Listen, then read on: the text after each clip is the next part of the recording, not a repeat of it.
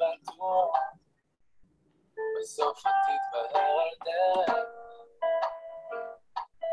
רק פתח לנו שערי אמונה, שערי הבנה, שאין לנו מלך, אלא אתה, סיבת הסיבה, עילת העילה, נורא תהילה, ורק לך נאה להודות, בכל הימים, בכל הלילות.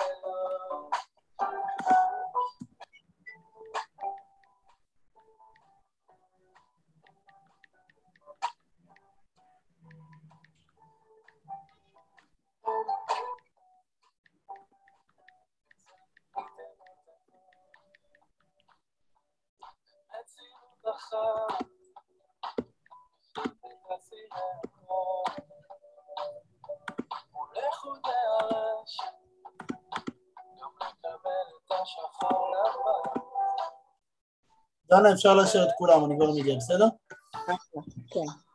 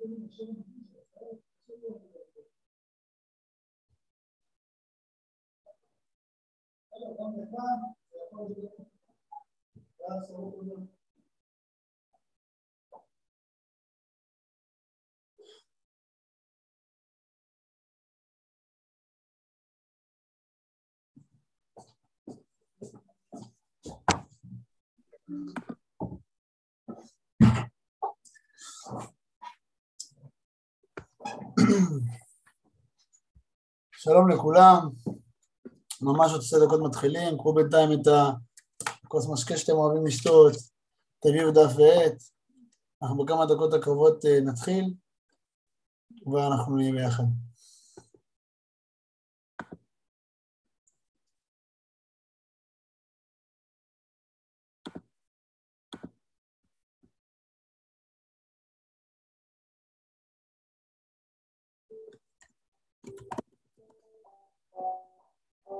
תשאיר בי את הרוח, תוריד ממני את הגשם, היה לי ים זמן לנוח, התרגלתי קצת בעצם, במרחב הפתוח, רואים באופק את השמש, אין ספק אני בטוח, בסוף את תתבהר על דרך.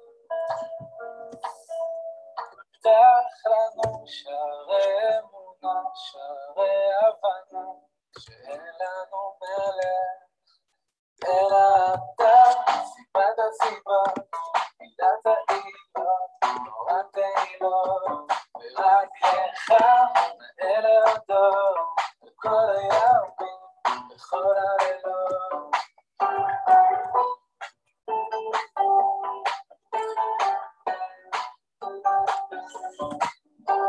אנחנו ממש כבר מתחילים, חצי דקה כולם אה, נכנסים ואנחנו מתחילים.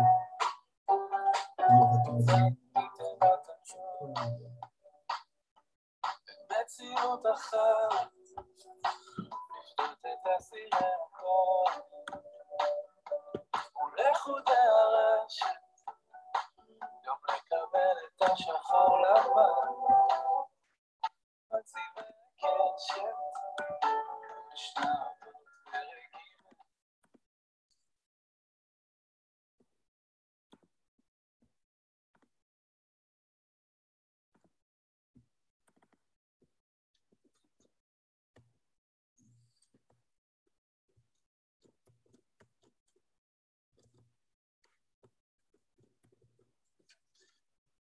טוב, נעשה רגע בדיקת סאונד שהכל בסדר. דנה, שומעים אותי? יופי.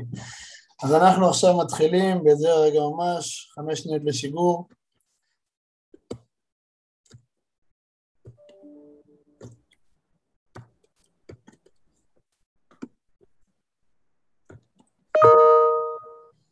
טוב, ערב טוב לכולם, שלום וברוכים הבאים לוובינר של ברוכים הטוב.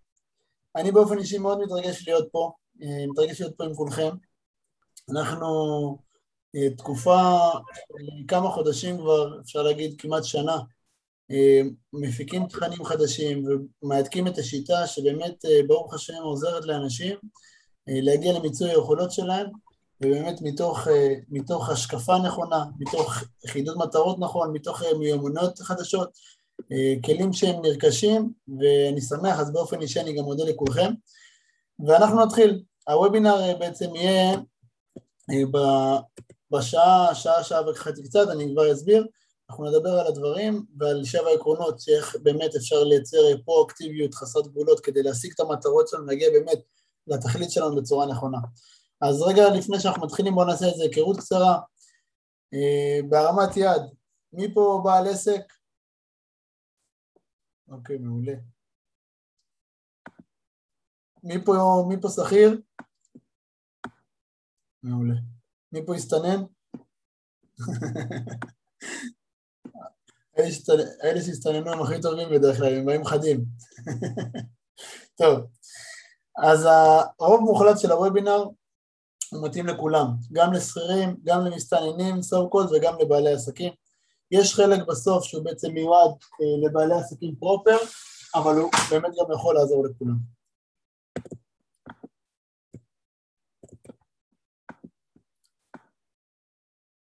אני, יש לנו בעצם משפט, שהמשפט הזה הוא, הוא בעצם המנחה הראשון, העיקרון הראשון והמהותי, כשיוצאים לתהליך של פיתוח אישי.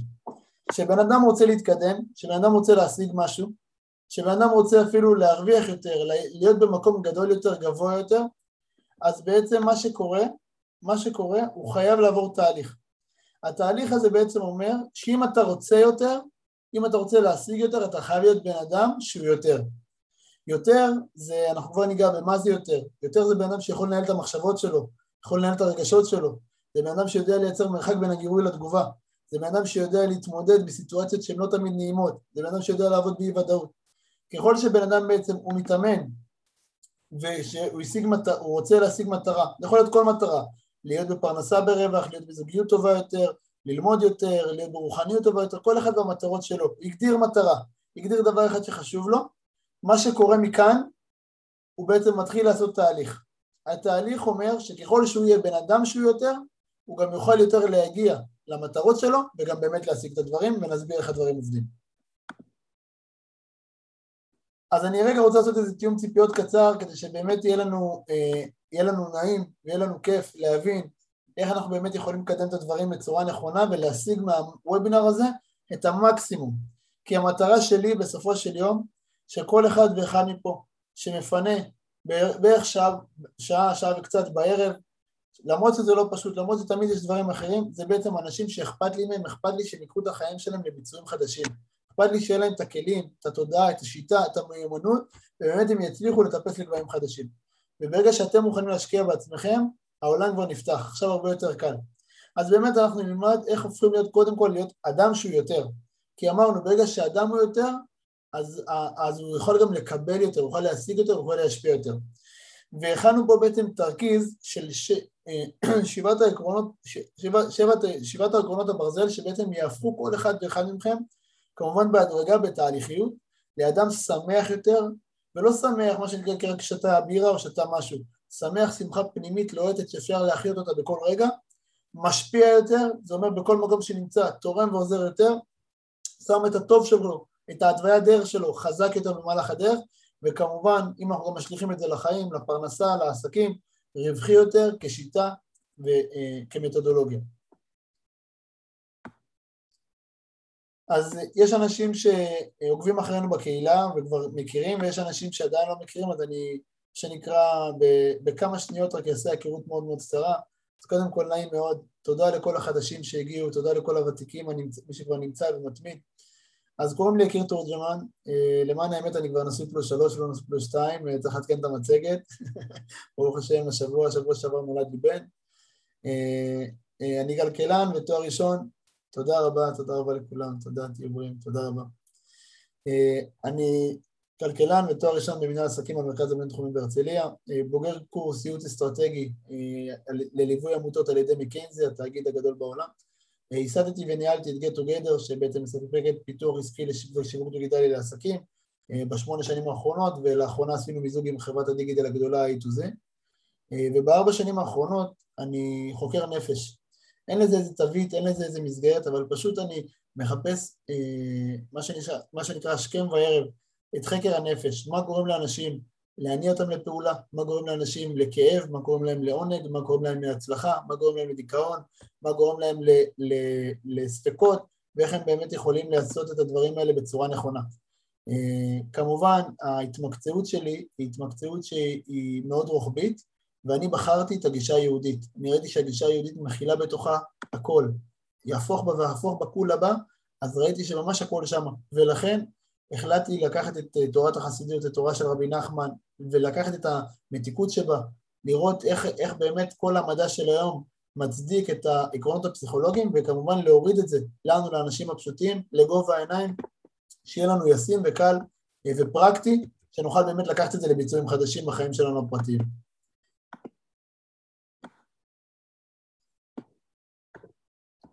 כמוטו אצלי בחיים, אני תמיד אומר שחייב, שאתה מכיר אנשים חדשים, שאתה עובד עם אנשים חדשים, שאתה מגיע למסגרת חדשה, צריכים לדעת מה הלמה שלך. כי ברגע שאנשים יבינו מה הלמה שלך, וכל אחד ייתן את הלמה שלו, חלקי הפאזל יתחברו לתמונה אחת. ברגע שיהיה לנו למה בוער של כולנו, הלבבות שלנו יתחברו כמו מגנט. יש סיבה שבאתם לצפות בשידור החי, יש סיבה שאנשים רואים את זה בהקלטה. יש בינינו מגנט, וככל שהמגנט הוא ממורק יותר, בהיר יותר, קל לנו יותר להשפיע אחד את השני ולגדול ביחד. ולכן במקומות חשובים אני שם את החזון שלי תמיד בפתיחה. והחזון שלי הוא להתחבר איתך לתכלית, להפיץ את המסר שלך לעולם בעוצמה ובנחת. אני רוצה להיות עם עין טובה על הבריות, הכוונה לראות אתכם שמחים, לראות כל אחד ואחד שמח, מנהלים את, מנהלים את עסקיכם ביושר ומצליחים. אני רוצה לראות אותך עשיר ומאושר, מצליח לצאת מהמרדף ולהתבונן בעולם באמת, להתעסק בליבה ובדברים החשובים בחיים. ועם פה נתחיל. נתחיל עם איזה סיפור קטן, שזה סיפור שלי שינה מאוד את דרכי החשיבה בחיים, את האופן של ההתבוננות ואת איך שלקחתי את הפרשנות שלי מפה קדימה. מסופר בסיפורי מעשיות, סיפור מאוד יפה. היה פעם אחת בן, בן המלך, היה מלך, מלך עשיר, מה שנקרא יש לו הכל, והיה לו שפחה, שפחה משכונה ענייה, ממקום עני, עושה את המלאכה שלה, מגיעה ובעצם הולכת לביתה.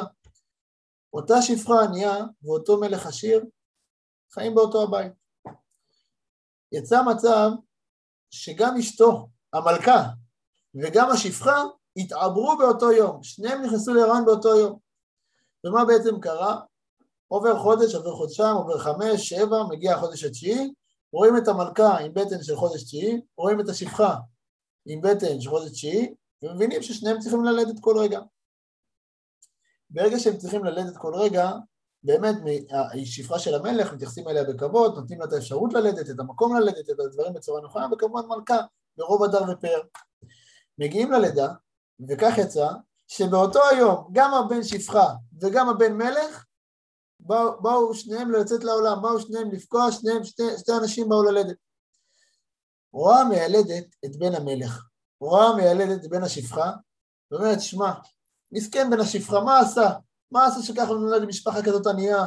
כזה ילך יהיה עכשיו אה, כל החיים שלו בפבלות, בעומס, באלימות, בסמים, באלכוהול, אימא שלו בכלל שפחה באיזה מקום.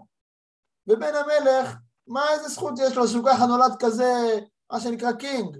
מפנפנים אותו, יטפחו אותו, ידאגו לו להכל, תמיד יהיה לו את כל הטוב שבעולם. מה הזכות? באה בא אותו, אותו, אותו מיילדת ואמרה, מה שנקרא בשביל הצחוקים, בשביל ההוויה, בשביל ההוויה, בשביל החוויה, אני מחליפה את בן המלך ובן השפחה. אף אחד לא ידע. באותו יום נולדו, באותה תקופה לא היה גם, אתם יודעים, את הדברים, אמרה אני מחליפה. באמת באו, באו אנשים, באו ל... ל באו ל... היא באה בא המיילדת, לקחה את בן המלך והביאה אותו לשפחה. לקחה את בן השפחה והביאה אותו למלך. המלך חוזר הביתה, שמח ומאושר, איזה כיף, ברוך השם נולד בן, שמחה גדולה, עושים משתה גדול. השפחה גם חזרה, ברוך השם יש בן, קדימה, צריך להנהיג אותו, לבשל לו, לדאוג לו, לסוג לו את כל הדברים. לימים הילדים גדלים, ומשהו פה קצת לא ברור. בן המלך מקבל מכל טוב, אוכל הכי מדושן שיש, רכבים הכי טובים שיש, בתי ספר לימודים הכי טובים שיש, פרופסור מלמדים אותו בסלון, מלמדים אותו בטכנולוגיות הכי מורכבות שיש, משקיעים בו מבוקר ועד ערב, רק שופכים עליו טוב, רק עוזרים לו לצמוח, נותנים לו אור וחום, שיהיה הכי טוב שבעולם.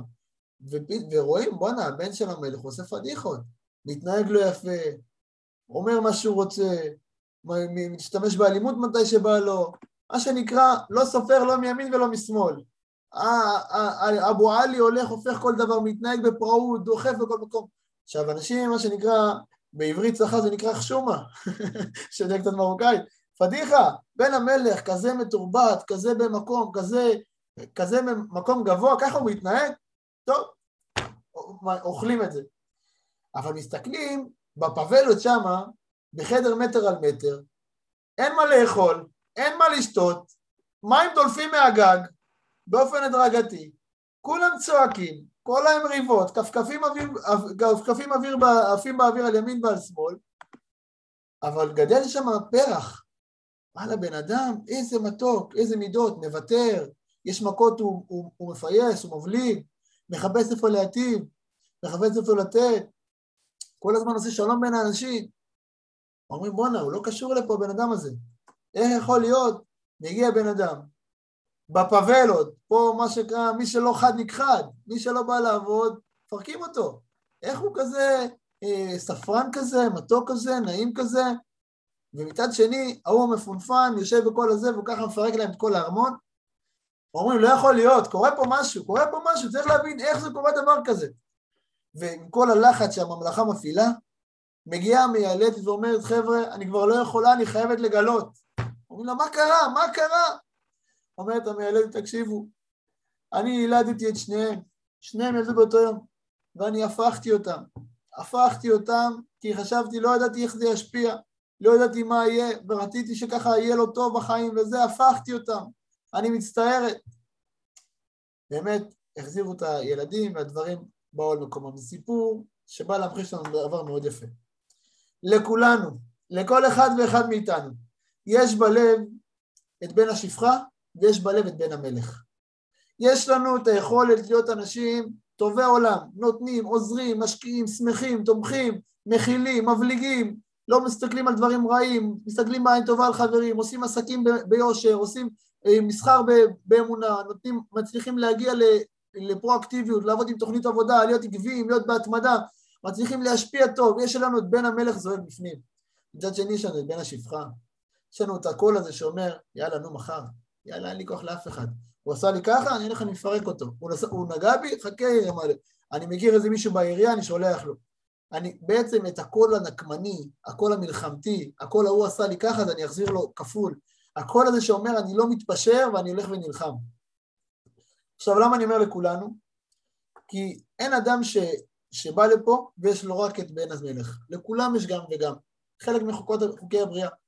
וברגע שיש לנו גם וגם, העבודה הראשונה שלנו, העבודה הראשונה שהיא לעצמה מהותית מאוד, ואני אפילו ממליץ לכתוב את זה, היא לזהות מי באותו הרגע שולט בנו.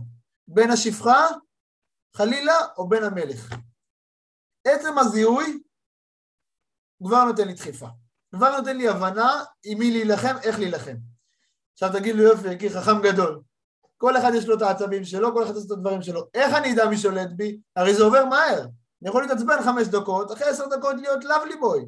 לאהוב את כולם, לשמוח עם כולם. אז איך זה יכול להיות? אומר רבי נחמן חידוש גדול. אומר לך מחשבות טובות, יצר טוב. מחשבות רעות, יצר רע. אתה יכול לדעת איזה מחשבה כרגע עוברת, עוברת לך בראש, באיזה מחשבה אתה מתמקד בה, אתה יכול לזהות את הרגשות שיש לך בעקבות המחשבה, וככה גם לדעת איזה ישות שולטת בך באותו הרגע.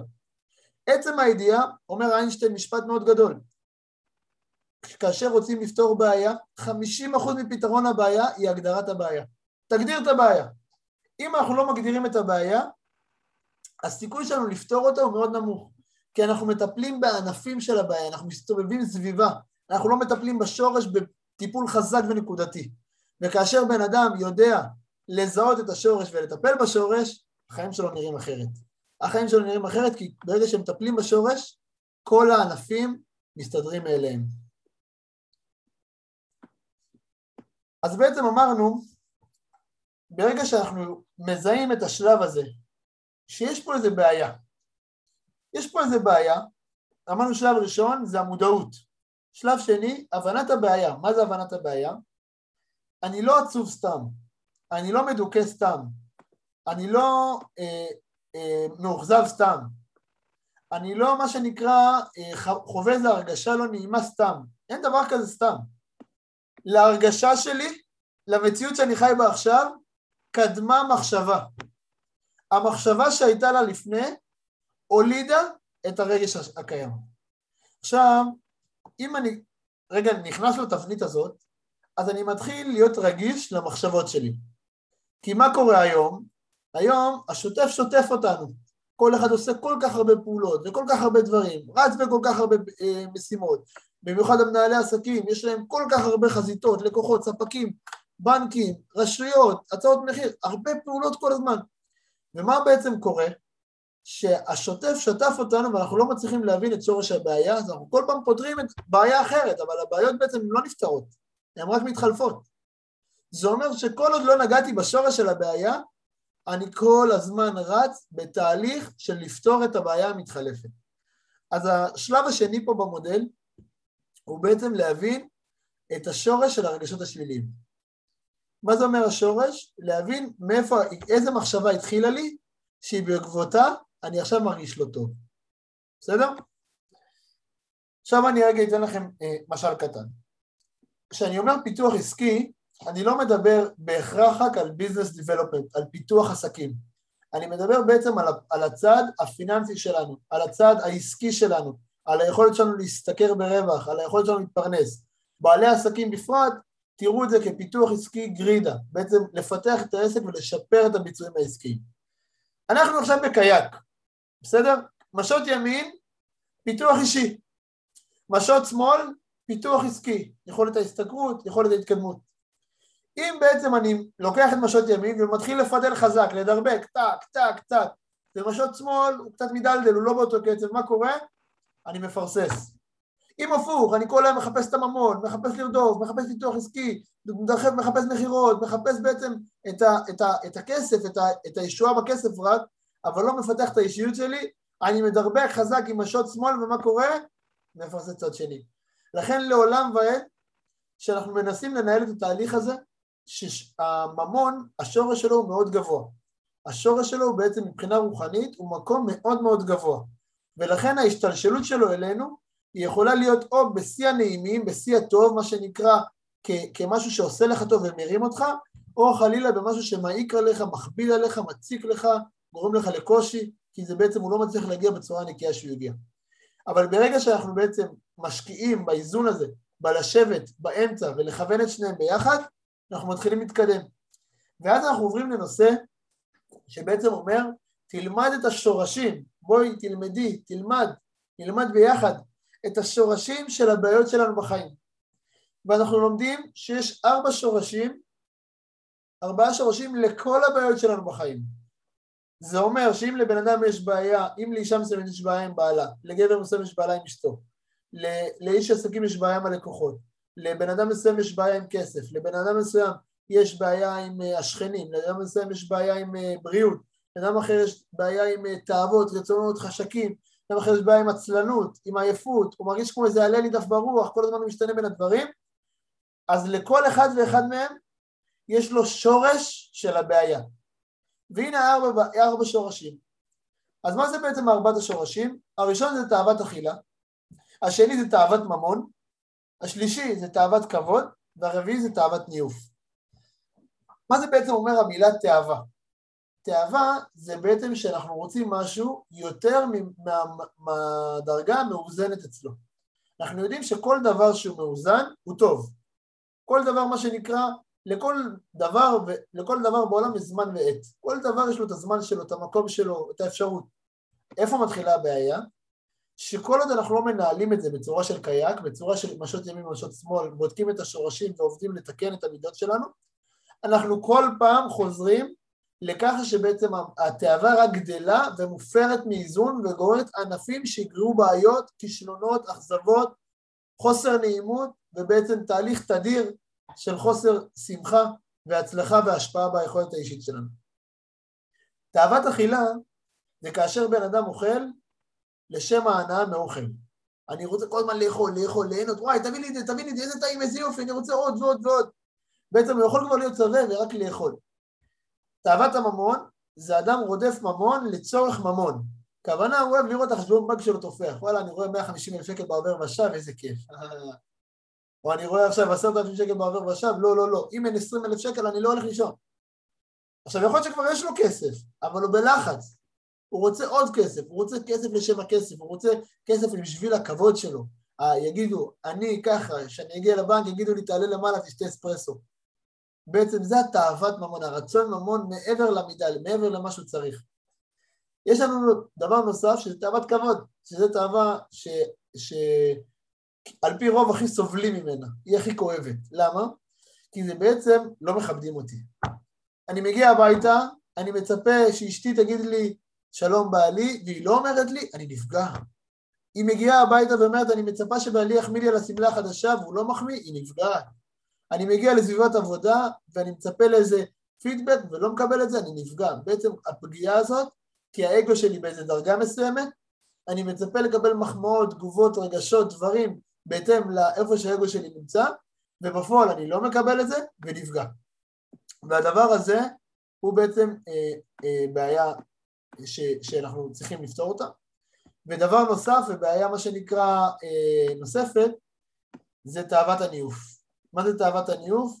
בעצם שאנחנו רוצים אה, כל מה שקשור בינו לבינה מעבר למידה, או לא על פי, כללי, לא על פי כללים הנכונים של, של אה, מתי, על פי כללי ההלכה, איך, כמה, למה, ברגע שהבן אדם עושה את זה, לא, מה שנקרא, לא בהיכר, אז רק בשביל להסביר את התאווה שלו, זה רק גדל, רק רק גדל.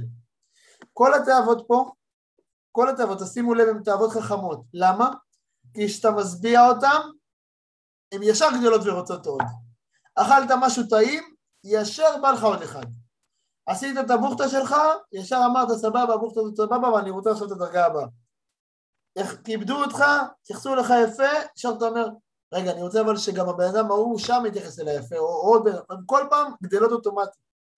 ותאוות ניוף, איך שאנחנו מסיימים, עובר דקה, שתיים, חמש, יום, יומיים, היא רק גדלה בעוצמה חזקה יותר. אז אנחנו רגע אומרים, אז שנייה, בוא נשאל שאלה. ממה נוצר הכאב בחיים שלנו? בעלי עסקים שבתדירות של עבודה מול אנשים, הם נמצאים כל היום בחשיפה לכאב, בביטולי עסקאות, בעובדים שלא מצייתים, בגנבות, בבעיות עם מלאים, בבעיות של שיווק, בבעיות של יחסי המרה. אנשים שכירים או אנשים שהם כרגע בין עבודות, הם כל פעם בכאבים שהם נמצאים באי ודאות, הם נמצאים בחוסר מיקוד, הם נמצאים באיזה נקודה שהם לא יודעים מה יהיה מחר, הם לא יודעים מה להתקדם, מה נכון להם לעשות, מה טוב להם לעשות, האם הדבר שעושים הוא דבר הנכון, האם זה הייעוד שלהם, הם יוכלו להגיע למקום יותר גבוה. לכולנו, ככה הסיסטם בנוי, יש בעצם, יש בעצם כאב, כאבים שוטפים במהלך היום. כידוע, בן אדם שכואב לו, הוא לא יכול להביא את עצמו לבמה, כוונה לשיח, לשוטף, לחיים, בצורה, אה, אה, בצורה בצורה נקייה ונעימה. לא שומעים אותי מספיק טוב? שומעים אותי דנה? כן, כי כתבו לי בצד שלא שומעים, אז שומעים כן? אוקיי. שומעים? יופי. מצוין. תרשומי לי רגע בצ'אט ששומעים שהכל בסדר, מי ששומע? שומעים טוב? אוקיי. שומעים? שומעים טוב, שומעים טוב, שומעים טוב, אחלה. אז בסוף אני גם מסתכל על הצ'אט בעזרת השם, נענה על שאלות. אז בעצם, אני רגע אומר, בהרמתיה, תרימו שנייה יד. מי פה במהלך היום שלו חווה בין פעמיים לעשר פעמים ביום מחשבות שמכווצות אותו, אותו וגורמות לו קצת לכאב.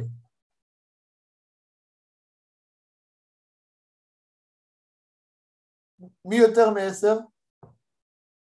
מי פחות משתיים? אוקיי. אז היום מסתכלים שהמדע אומר שבן אדם ממוצע חווה 60 אלף מחשבות ביום. מתי הוא יהיה שמח? ש-31 אלף חיוביות ו-29 אלף שליליות. רק, רק שהוא יתה את הכף טיפה לחיובי. אממה, מתי הוא לא יהיה טרוד? שהמחשבות השליליות יצטמצמו לאלפים בודדים.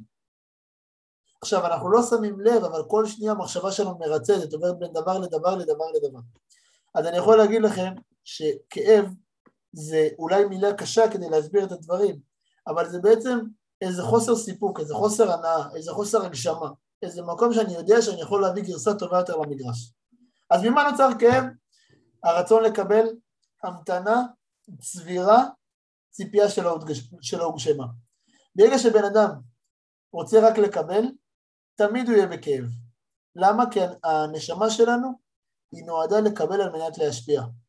ברגע שאני מקבל על מנת לקבל, אני בעצם תמיד לא מרוצה ממה שיש לי, אני נמצא בנקודה שאני מתבונן בדף, בנקודה השחורה על הדף הלבן, אני מתמקד בפרטים הקטנים שבעצם מפריעים לי בחיים, אני לא מצליח למלא את התאבות שלי, ולכן אני נוצר לי תסכול וכאב. המתנה, יש בן אדם שמחכה לזוגיות, יש בן אדם שמחכה לילדים, יש בן אדם שמחכה לאוטו חדש, יש בן אדם שמחכה לעסקה חדשה. כל בן אדם יש לו המתנה מסוימת למשהו. ככל שאני יותר משקיע מחשבה בהמתנה, אני גורם לה להשפיע עליי יותר במקום שלילי, במקום של כאב. ושימו לב לחידוש, רבי נחמן מסביר שההמתנה זה אותיות מתנה. זה אומר שאם אתה יודע לקחת את ההמתנה בצורה נכונה של פיתוח האישיות שלך, שהכלת הכלי שלך לכלי אה, טהור, נקי ונעים, שיכול בעצם להכיל מציאות חדשה טובה יותר, אתה תוכל להפוך כל המתנה למתנה. כל המתנה למתנה. אתה תוכל להשתמש בכוח הזה ולמנף אותו, לקבל מתנות, למשוך אליך את הטוב שאתה צריך, שאתה רוצה, בתחומי החיים שלך. צבירה. מה זה צבירה? זה דבר מאוד, אה, מה שנקרא, זה נקרא רמה. כשאדם עובד עם, עם אנשים, פגעו בו, העליבו אותו, הוא אומר, יאללה, בסדר, סלחתי, סלחתי, אבל בלב הוא לא סלח. הוא צובר. היא הלכה לחמתה, וחמתה אמרה, לקח אחד, שתיים, שלוש, אה, שמרה בלב, וכל פעם שהיא רואה אותו צובט לה, זה הצבירה. הוא הלך נגיד לעשות איזה עסקים עם מישהו שלפני שנה גנב אותו והחליט לעשות אותו עוד פעם, הדקירה הזאת זאת צבירה. ברגע שבן אדם צובר, הוא בעצם בונה לעצמו כלי של צבירת כאב, כלי שהוא לא יכול להביא את הרכב שלו, הכוונת האישיות שלו, לביצוע פורצי גבולות. ברגע שבן אדם סולח, ובאמת סולח, הולך לישון בלילה ואומר, אין לי כלום בלב על אף אחד, אני מרגיש באמת שמה שקרה לי, לטובה קרה לי, זה השיעור הכי טוב שקיבלתי בחיים, גם אם זה עלה לי בכסף, גם אם זה עלה לי בבריאות, גם אם זה עלה לי בעצבים, אני יודע שזה בא לי לטובתי, ואת זה שזה בא לי לטובתי, אני רק מתחזק מזה, והולך חזק יותר למערכה, ופעם הבאה אני אשתדל לא להיפגע, או לא להיכנס לסיטואציות כאלה, אבל ודאי שמה שהיה רק לטובתי, רק מקדם אותי, ורק נותן לי השקפה טובה יותר לחיים. לוקח את הפסקה הזאת, בעצם באמת בלב שלם, סולח לאחר, לא בשבילו, בשבילנו אפילו. בשבילנו, בשבילו להסתובב עם הרמה הזאת, עם המסע הזאת על הלב כל יום. אין בן אדם שמותר להקפיד עליו, תשימו לב, זה כלל, לא סתם אפילו התורה אומרת, לא תיקום ולא תיטור, אל תקפיד על אף אחד, לא משנה מה עשו לך. תמיד, תמיד, תמיד תתחזק בזה, לסיים, להתחזק, אני מדבר בזכר כמובן, כי הם, הרוב מולי הם גברים, אבל כמובן כל האנשים שפה, גברים ונשים כאחד, תתחזקי, תתחזק בללכת לישון, ודקה, שתיים לפני השינה, לקחת את הפסקה הזאת, הרי אני, אני סולח לכל אדם באשר הוא, לא משנה מה שהוא עשה לי, ובין אם עלה לי במקרה ספציפי, ולהוא שפגע בי במכולת ועקף אותי, ולהוא שדפק לי את האוטו, וההוא שלקח לי את זה, וההוא שגנב לי את זה, וההוא שעשה לי ככה, תזכירו, תזכירו שאני סולח מחילה גמורה. ואם אני בדרגה לסלוח בשבילו, אשראי, ואם לא, אני סולח בשבילי כדי לא להעמיס רמה על הלב. כי אני רוצה, שאני, כי אני יודע שאם יהיה לי מעמסה, אני אצבור ויהיה לי כאב, והפוך, אני סולח ומבליג, וזה שזה לטובתי, ויוצא מחר חזק יותר. לילה טוב. ברגע שבן אדם מסיים, הולך לישון עם פסקה כזאת, הוא מוריד לעצמו את הקליפות מהלב, הוא מוריד לעצמו את המעמסה, לאט לאט הלב שלו הופך להיות ממחסן, מחסן של רגשות, דבר שאנחנו כמעט לא מתייחסים לניהול שלו, לכלי עוצמתי שאפשר למנף איתו כל דבר בחיים. ואחרון, זה ציפייה שלא הוגשמה. אם תדברו עם אנשים, יצא לי ברוך השם לדבר עם לא מעט, גם כשכתבתי את הספר ראיינתי הרבה, אז הרבה אנשים אומרים לך, תשמע, אני מחכה למשהו, אני כבר מצפה שאני אפרוץ, אני מצפה שאני אצליח, לה, שיעריכו אותי, שאני אגיע למקום ויגידו לי, וואלה, תראה את התוצר שלך, אני מצפה שאני אגיע לעבודה ואני אסתכר כמו שאני מצפה, אני מצפה להצליח למכור באופן הדרגתי, אני מצפה לעבוד עם תוכנית עבודה, אני מצפה להיות עם אשתי בערב, להיות עם הילדים, להשקיע ב... כל אחד אנחנו בעצם מנסים לעורר את הציפיות, ולכל אחד יש ציפייה. ואממה, הציפייה רובם לא הוגשמו. אם אנחנו לא לומדים לנהל ציפייה שלא הוגשמה, אנחנו בעצם מגיעים למקום שזה הופך גם לצבירה וגם לכאב. דבר שלישי, הרב פרנגר אמר משפט שאני לקחתי אותו לחיים. אל תחפשו בחוץ אה, פתרון לבעיות, בעיות, לדברים שאיבדתם בפנים. אל תחפשו בחוץ פתרון לדברים שאיבדתם בפנים. אנחנו בחיים שלנו איבדנו לא מעט דברים, אמון באנשים, אה, מוטיבציה, חלומות שהיינו ילדים, רצונות מסוים, כיסופים מסוים, את התשוקה, את הפשר, הרבה פעמים אנחנו ככה לאט לאט החיים מכופפים אותנו עוד קצת ועוד קצת ועוד קצת, עד שאנחנו ככה מגיעים למקום שחיים בין הטיפות והם גדלים. והיום אני דווקא בא ואומר לכם לא, ממש לא, הלפיד בוער וצריך להעביר אותו חזק, צריך להבליט אותו חזק, כי כל אחד ואחד מפה הוא עולם שלם ומלואו, הוא אדיר האדירים, אדירה שיכולים להגיע כל אחד לגבהים שבלתי סולים בפז, חלק אלוה ממעל, נשמה אדירה, שכל אחד מכם יכול להביא את עצמו לגרסה הטובה ביותר שלו בעולם, ומי שיהיה לו טוב בעולם זה לא רק לבן אדם, זה לכל מי שהוא יענה, כל העולם יענה ממנו, כל הסובבים, החברים, כולנו פה קשורים בכבלים, וכשאדם מתעלה כל העולם מתעלה איתו. וברגע שבן אדם יודע שהוא לוקח את הכלי הזה וממנף את הפיתוח שלו, שם את זה בדרך חיים שלו, כל העולם בעצם נותן נקודה של טוב יותר, הטוב מתחיל להתגלות, וכלל בידינו קצת אור דוחה הרבה חושך. ברגע שבן אדם עושה משהו קטן שמוסיף טוב, הוא הסיר הרבה חושך מהדרך. ולכן השלב השלישי הוא פתרון פנימי לבעיות חיצוניות. והמשפט הזה שאומר, חיים בלי אמונה, הם בעצם בלי תקווה. זה כמו לנשום אבל לא לחיות. זה אומר שאם אני לא בא לכ... לכאבים שיש לי, למחסור... למחסורים שיש לי, למצוקות שיש לי, ומנסה להדליק להם את האור, מנסה לשפוך עליהם קצת אמונה, קצת תקווה, משתמש בכלים בעצם שאני מגדר אותם בצורה נכונה, מכניס אותם לפרופורציות הנכונות, מנהל את המחשבות שלי, בוחר על מה לחשוב ועל מה לא לחשוב. לא רואה שנכנסת מחשבה שלילית, אני אומר, או רגע, רגע, להילחם בשלילי כרגע אני לא יכול. אני לא יכול, אני לא מספיק חזק. מה אני כן יכול לעשות? לקחת מחשבה אחת חיובית ולהילחם איתה, לשים, להתמקד במחשבה החיובית. בגלל שהמוח שלנו יכול להתמקד רק במחשבה אחת, אז כביכול זה נראה לנו שאנחנו עוברים מהר בין המחשבות, אבל אנחנו יכולים להתמקד רק במחשבה אחת, לכן במקום להילחם ברע, לא להילחם בו, פשוט נחליף אותו בטוב. נכנסת מחשבה שלילית, וואי, מה יהיה עם הילדים בגן? וואי וואי בעלי אמר לי ככה, מה יהיה, הבוס שלי אמר לי ככה, רגע, לא שלחתי ללקוח, ההוא פיטר אותי, ההוא, כל הזמן קופץ לנו, אני לא אלחם, אני לא אנסה לפתח אותה, ולא אנסה, לא, לא, אני לא רוצה לחשוב, ידחה אותה, ממש לא, אני אפסיד.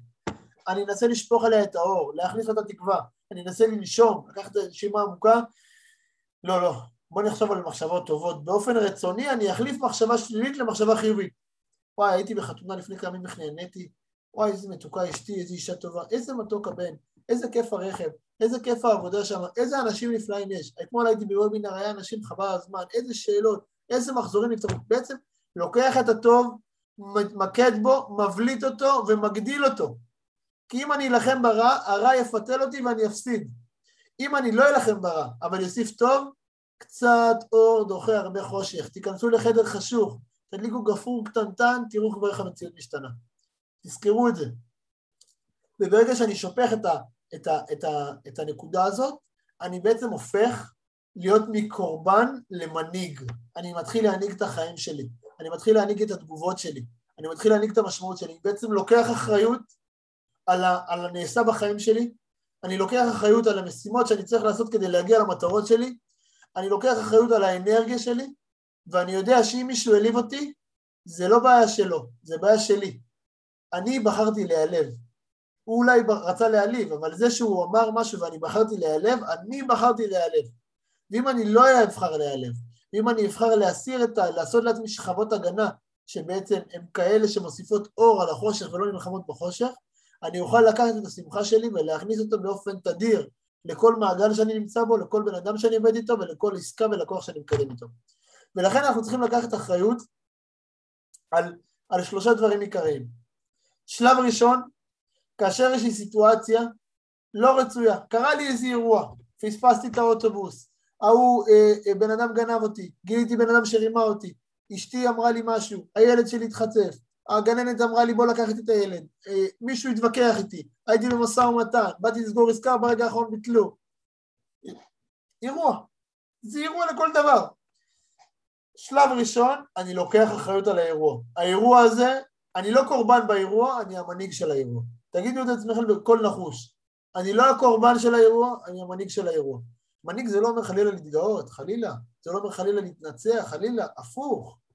זה אומר שאני יוצא מהגאווה, אני יוצא מהכבוד, אני יוצא מהתאוות, אני מסתכל על הבעיה ממבט על, אני בעצם עושה זום אאוט, ואני אומר, אם אני עכשיו הייתי ללא רגש בכלל פה, איך בן אדם היה צריך להתנהג פה? בעצם מה אני עושה? אני מייצר מרחק בין הגירוי, האירוע, לתגובה, ובוחר את המחשבה ואת הרגש שאני רוצה ליישם שם. עכשיו זה נראה מאוד קשה, אבל זה שריר, זה שריר. זה אומר שאם מתחילים לעבוד על זה בבית, מול האישה, מול הבעל, אם מתחילים לעבוד על זה מול הילדים, מהר מאוד תוך שבוע, שבועיים אתם תראו שאתם לוקחים את זה החוצה לתקשורת בין אישית. פתאום קרה אירוע, מישהו אמר משהו לא נעים, טאג, מנגנון ההתכווצות מתחיל לעבוד, מנגנון התקיפה מתחיל לפעול, קצת ככה אה, טיפה אני החם, טיפה מזיעים, טיפה רוצים לתקוף, טיפה רוצים לעמוד על המקום שלנו, לשמור על המקום, אבל במקום זה, ששש, מוכרים לשתוק, לא מגיבים, לוקחים ממש שנייה, אומרים רגע, הייתי בוובינר שלמדתי שאם אני מייצר מרחק קטן, אפילו של שנייה בין הגירוי לתגובה, הסיכוי שלי להפוך מקורבן למנהיג עולה פלאים. אני עכשיו מתרגל, מה אכפת לי? אני מתרגל. ואז אני בא ואומר לעצמי, אני לא קורבן, אני מנהיג. בלב, לא צריך כמובן לעצום עיניים בריכוז, אני לא קורבן, אני מנהיג. עצם האמירה הזאת, אם התחושות של הפתרון הפנימי, הבנת הכאב שעכשיו נוצרת לאור המציאות שבעצם אני רציתי לקבל משהו וקיבלתי משהו אחר, הבנת הרגש והמחשבה שמגיעה, היפוך, היפוך למחשבה חיובית, לחפש בבן אדם מולי דבר אחד טוב. הוא אמר לי משהו רע, אני מחפש בו דבר אחד טוב. אני שותק בינתיים, מחפש דבר אחד טוב. אני אפילו, אם יהיה לנו זמן לספר לכם סיפור שהיה לי, אתם לא מאמינים, עם מנכ"ל חברת חדשות, חבל על הזמן, הדבר כזה בדיוק. ודבר אחד טוב, אני, אני מנסה להעביר נושא, אני בעצם יוצא מהשיחה שהתמקדתי בדבר אחד טוב איתו, כבר הפכתי, פיתחתי את האישיות שלי מקורבן למנהיג. כבר הגעתי לנקודה שאני יכול להשפיע יותר. דבר שני, בעצם העבודה הפנימית שלי, העבודה כביכול הקשה ביותר, זה ניהול המחשבות. מה זה אומר בעצם העבודה של ניהול המחשבות? זה עבודה שאני אומר, אני יודע שיכולה להיות לי רק מחשבה אחת בראש בכל רגע, אני חייב להתחזק במחשבות טובות. לא, מקבל על עצמי, אני מקבל על עצמי להתחזק במחשבות טובות. תדעו, פעם אחת הייתי באיזו הרצאה ואמרתי, מי רוצה שינוי, מי ככה מרגיש שהוא רוצה להשתנות, להתפתח, אז אה, אנשים כזה מרימים כזה את היד, אנשים כזה אומרים אני, אנשים כזה אומרים וואו, איזה כיף, אני... ובגדול הרגשתי שמי שעכשיו ירים את היד, הוא לא ישתנה. הסיכוי שלו להגיע באמת לביצועים פורצי גבולות הם יחסית נמוכים. אז אמרתי להם, אתם יודעים, אני אשאל שוב את השאלה. מי מחויב לעצמו להשתנות? מי מקבל על עצמו שהוא משתנה?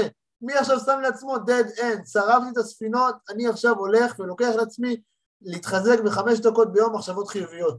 בעשר דקות בבוקר שעדיין אין את, את המלחמה של העולם, מחשבה טובה. מי שיגיד לעצמו, הוא מקובל, או, או, אפרים גבריאלי, תרימו יד, מי אומר, מי לוקח על עצמי, מי מקבל על עצמו מחשבות טובות חמש דקות ביום? אפרים גבריאלי, יובל, אברהם, דנה, אורי, יעקב, או-הו, איזה אנשים יקרים, קרן, כל הכבוד, חמש דקות ביום מחשבות טובות, סימונה, איזה תמונה מרגשת. חמש דקות ביום לקחת לעצמו, לפתוח את הבוקר חזק, אני לא קורבן, אני מנהיג. סיימתי תפקיד, עברתי מקום, זיזו אותי, לא מעניין אותי. אני לא קורבן, אני מנהיג, אני בוחר רגשות טובות, אני בוחר מחשבות טובות, אני אקבל במציאות דברים טובים. ככה זה. בעצם אנחנו אומרים שהעולם מתנהל בצורה של מקם. מה זה מקם? מידה כנגד מידה. חשבנו טוב, היינו בפוקוס טוב, אנחנו גם נחווה את הטוב, אנחנו נקבל את הטוב.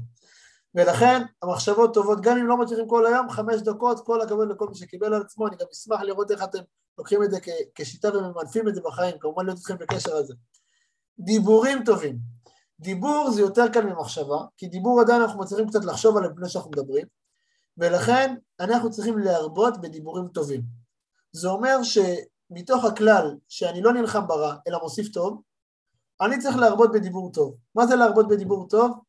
בא לאשתי, אשתי איזה אישה טובה, איזה נשמה טובה, איזה צדיקה, בא לאימא שלי, בא לחבר שלי, בא לאח שלי, בא ללקוח שלי, בא לשותפים שלי, בא ללק... ללקוחות שלי, בא ל... לכל האנשים שאני איתם באינטראקציה יומיומית, ומקבל על עצמי לא לסיים איתם תקשורת בלי מחמאה אחת. אין לי שום מחמאה, אני אגיד לו, שמע, תדע לך, ממש, ממש אני, אתה מסקרן אותי, אתה מאתגר אותי, אתה הבאת אותי לאיזה נקודה שככה, יש לי אתגר מחשבתי, כל הכבוד. בסדר, אבל אני בעצם סיימתי או התבלעתי במשהו, בדבר אחד שהוא דיבור טוב, הוא הופך בעצם את ההשפעה הרוחנית שכרגע משפיעה עליי, מהשפעה של טוב ורע, טוב ורע, טוב ורע, והרע מנצח, הוספתי טוב, בעצם נתתי נוקאוט לרע. נתתי לו אגרוף כזה שהחושך מתמזר, האור נדלק, קל לנו להתקדם. אז שוב, קל להגיד, מאוד קשה ליישם, אז מה עושים? רבי נחמן נתן לנו כלל, אחרי הפעולות נמשכות, נמשכים הלבבות. זה אומר שהרבה פעמים, תשמע, אין לי כוח לעולם. אני כולי עצבני, כולי עייף, אלף ואחד אנשים שואלים אותי שאלות, סדנאות, הרצאות, מילים, נסיעות, אין, בוקר, לילה, כל היום ריצות, ילדים, טה טה טה טה אין לי כוח עכשיו להתחיל לדבר טוב, לחשוב טוב, לאום טוב, אין כוח. אז כלל בידינו. ברגע שאנחנו מזהים את זה שאין כוח, או מזהים את זה שאנחנו לא נמצאים כרגע בפוקוס שאנחנו רוצים להיות בו, אנחנו לא עובדים עם המשאב אנרגיה הטוב שלנו, אלא אנחנו בשוטף ששוטף אותנו.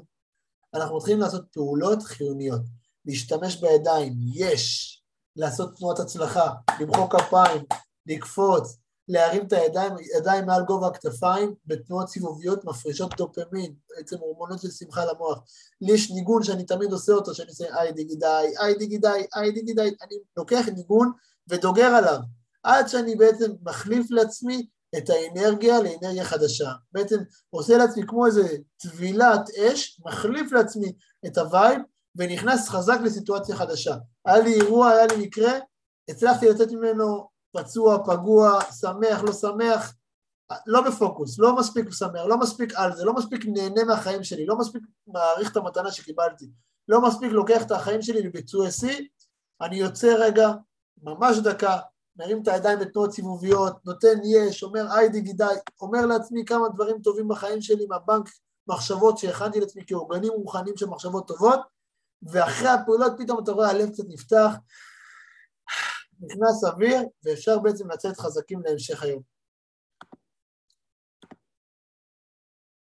שלב ארבע. אני מאוד אוהב את השלב ארבע. הוא שלב מאוד חזק בעיניי, כי שלב ארבע הוא מתחיל אה, לפרק את הדברים לפרקטי, אה, אה, לצ'קליסט פרקטי. אז זה בעצם אומר מנגנון ההתחדשות.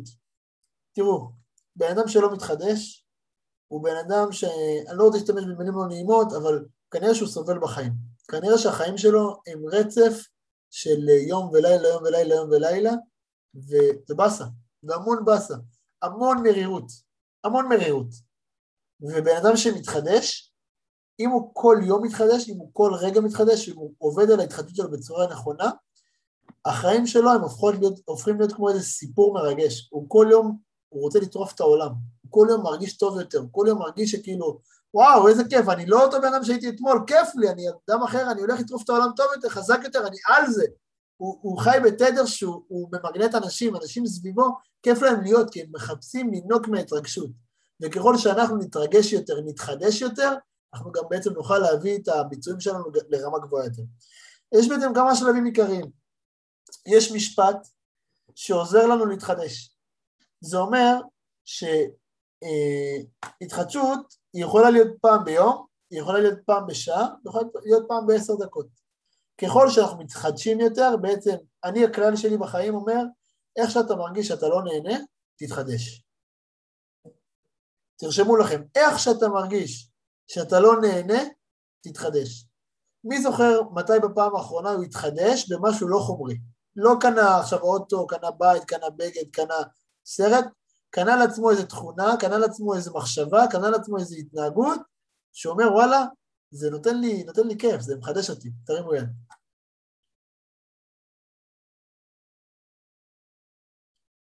יפה. איזה, איזה קהל של uh, מפותחים, כולם פה בפיתוח אישי חזק. איזה כיף, נפלאים. יפה, יפה, תודה רבה, תודה רבה. אז אוקיי, יש לנו משפט שעוזר לנו לעבור בין סיטואציות. המשפט הזה אומר, מה שהיה, היה. עכשיו נתחיל מההתחלה. זה אומר, אני מפסיק להילחם בעבר, מפסיק לתקן את העבר, מפסיק לאחר את העבר, מפסיק, מפסיק. אני עכשיו פניי לעתיד, מה שהיה היה, בואו נפתח דף חדש, פותח. את הדף הזה אני פותח קודם כל עם עצמי, זה אומר שאני לא נותן לעצמי לדגור ולהישאר במחשבות העבר, ולאחר מכן אמור לתקשורת החיצונית. מאותו רגע שאמרתי את זה, אני בעצם מחליט, אני מקבל על עצמי באותו רגע להתחדש, אני לא סוחב את העבר. באתי לקנות אה, בית עם שותפים וההוא הבריז לי וההוא העלה לי את המחיר ומחר אני רואה אותו לארוחת בוקר. כביכול, הוא הבריד לך, לא נעים איתו, הוא דפק קטע, בא לך להתעצבן עליו? לא. זה בהשגחה פרטית, זה טוב, זה לטובתי, אני שמח, אני סולח מה שהיה, אני מתחיל מההתחלה, אני לא סוחב את זה בעבר, אני מתחיל את העתיד. אני סולח. ברגע שסלחתי, אוטומטית במילים אני סולח בתקיפות, יש כוח של התחדשות. ברגע שאני אומר לעצמי, אני סולח, בגלל זה אמרתי, תיקחו לעצמכם כל ערב, בערב, שתי דקות לפני השינה, אני סולח, אני סולח ואני יודע שזה לטובתי, אני מתחיל דף חדש. יש דבר שנקרא תודעת החיים הקצרים. כולם יודעים, אה, ומי שלא יודע, אני ממליץ לו, לא בקטע רע, בקטע הכי טוב שבעולם. פעם אחת בחיים, ללכת לעשות, לעשות ביקור חולים באחד מבתי החולים בארץ. להיכנס למחלקות שקשה להיות שם, שלא נעים להיות שם, ולזכור מה ראינו שם. ראינו אנשים, חלקם צעירים, חלקם מבוגרים, חלקם זקנים, חלקם ילדים, גברים ונשים, דתיים, חילונים, הטרוגני לחלוטין, שאתה רואה אותם כאילו נמצאים בחוסר מעש, בחוסר יכולת, הזמן שלהם כביכול כבר לא שלהם, הם מחוברים לדברים ולא נעים להם וקשה להם. להבדיל, אם מישהו יצא לעשות סיבוב בכלא, הוא רואה אנשים שלקחו לו את הזמן שלו, את הדבר הכי יקר שלו, לקחו לו את החופש. ואז הוא רואה רק את החיים שלו היום, בבית שלו, בשמיכת הפלנל שלו, באוטו שלו, במשפחה שלו, הוא רואה איזה חיים טובים יש לו. הוא רואה איזה חיים טובים, כי הבעיה שאנחנו מרוב טוב לא מצליחים לראות את הטוב. מרוב טוב אנחנו מחפשים את הפרפקציוניזם ונכנסים לאיזה דבר אחד שהוא לא מושלם ומתמקדים בו. והחיים קצרים מדי בכדי לסבול מכישלונות. כישלונות זה תהליך מובנה בהצלחה. הכישלונות הם באו להקים אותנו, לחשל אותנו, לבנות לנו את הכלי שיכול לקבל הצלחה. בן אדם שלא נכשל לעולם, גם לא יצליח לעולם. ככל שבן אדם יצליח בגדול יותר, מסתובבת מאחורו, מאחוריו, יש, יש לו מה שנקרא כישלון מפואר יותר, יש לו כאב גדול יותר, שהוא הצליח להפוך את זה לפתרון, ובמקום להישאב למטה, הוא לקח את זה למעלה. וברגע שבן אדם מבין את התודעה הזאת של וואלה, תשמע, ברוך השם, יש לי הכל, הכל טוב, אז נכון, זה בעייתי, נכון, זה לא טוב, נכון, זה לא מסתדר, בסדר, אני אטפל בזה לאט לאט, זה לא צריך להיות מוכן במאה, אני אטפל בזה, אבל החיים קצרים מדי בשביל לסבול מכישלונות. מה שהיה לי בכישלון, אני אלמד ממנו, אני אתחקר אותו, אני אתמקצע, אני אהיה הכי טוב שלי לקחת אותו לביצוע שיא, אבל אני לא אסבול ממנו. ובעצם אני באותה נשימה גם מפתח גישה עצמית מעודדת. אני מנתח את הדרך, אני משפר ומשמר. זה כלל שאני מאוד אוהב לעבוד איתו. אני מסיים בעצם סיטואציה, מסיים אפילו קמפיין שיווקי, מסיים אה, ניהול מערך, מסיים אה, ישיבת צוות עובדים, מסיים ישיבת מטה, מסיים אה, הרצאה גדולה, מסיים משהו שהיה לי משמעותי בחיים. מה אני עושה?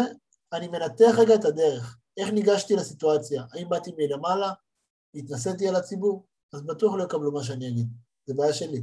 האם באתי בגובה העיניים, באתי כאחד שאני אוהב אותם, שאני לא יותר טוב מהם, אז אוקיי, אז התחלתי טוב. ואז מה? מה עשיתי טוב, מה עשיתי לא טוב? איפה העמידות שלי הפריעו לי, איפה העמידות שלי עזרו לי? איפה בעצם אה, עשיתי דברים, חשבתי טוב על הציבור, איפה חשבתי לא טוב על הציבור.